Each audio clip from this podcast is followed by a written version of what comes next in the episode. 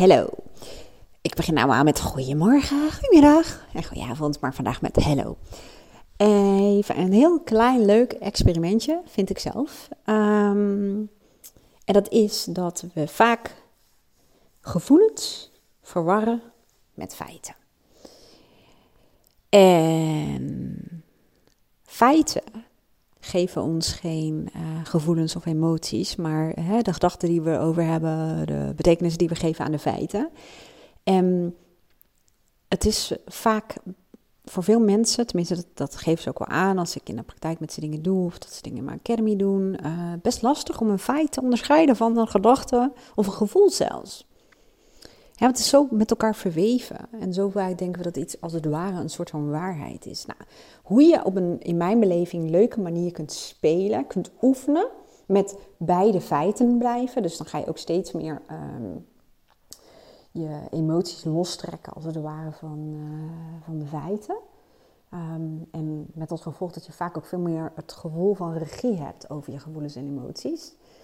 En niet uh, per se overal een heel groot drama van te maken, om het zo te zeggen. En dat hoeft niet per se iedereen een groot drama van te maken. Maar soms kan, kunnen gevoelens en emoties wel een heel eigen leven gaan leiden. Met alle vervelende gevolgen van dien. Nou, hoe je dat oefent. Vaak helpt het om het samen te doen met bijvoorbeeld uh, je partner of vrienden of collega's of je gezin of whatever. Uh, door elkaar uit te dagen om bij de feiten te blijven. Net als ik kijk nu naar buiten. Het is 8 juni. Het is, hoe laat is het? Drie uur. En het regent. En voorheen, vroeger, had ik de neiging om te zeggen: Oh, wat een kut weer. Maar dat is dus geen feit. Door, um, door dat we dat zo stellig zeggen, voelt het vaak wel als een feit. En ga maar gewoon eens spelen door te Wat is het feit? Het regent.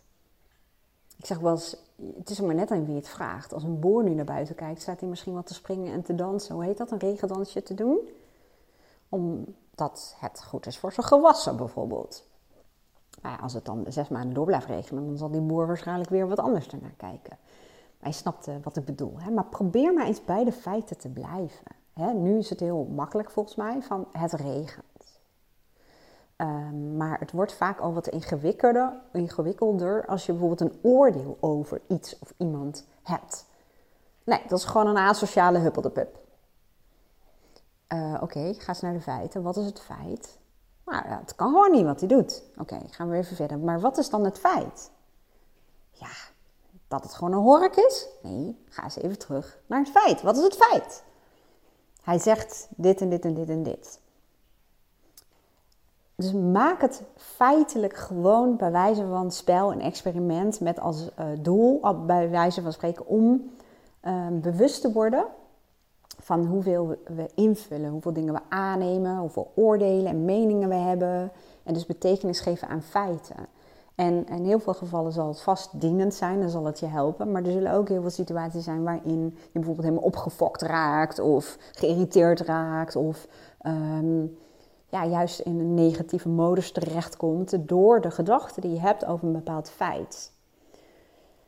Dus dat. Nou, ik uh, zou zeggen heel veel succes. Want uh, wij hebben over ervaren als gezin, uh, moet ik zeggen, doen we dat wel eens vooral in de auto als we om ons heen kijken of ergens heen gaan. Uh, dat het nog best soms een uitdaging is om echt te zoeken naar wat de feiten zijn. En dat het best grappig is als je elkaar daarmee gaat helpen. Nou, ik hoop dat je wat aan had. Ik wens je een hele mooie dag en heel graag tot de volgende podcast.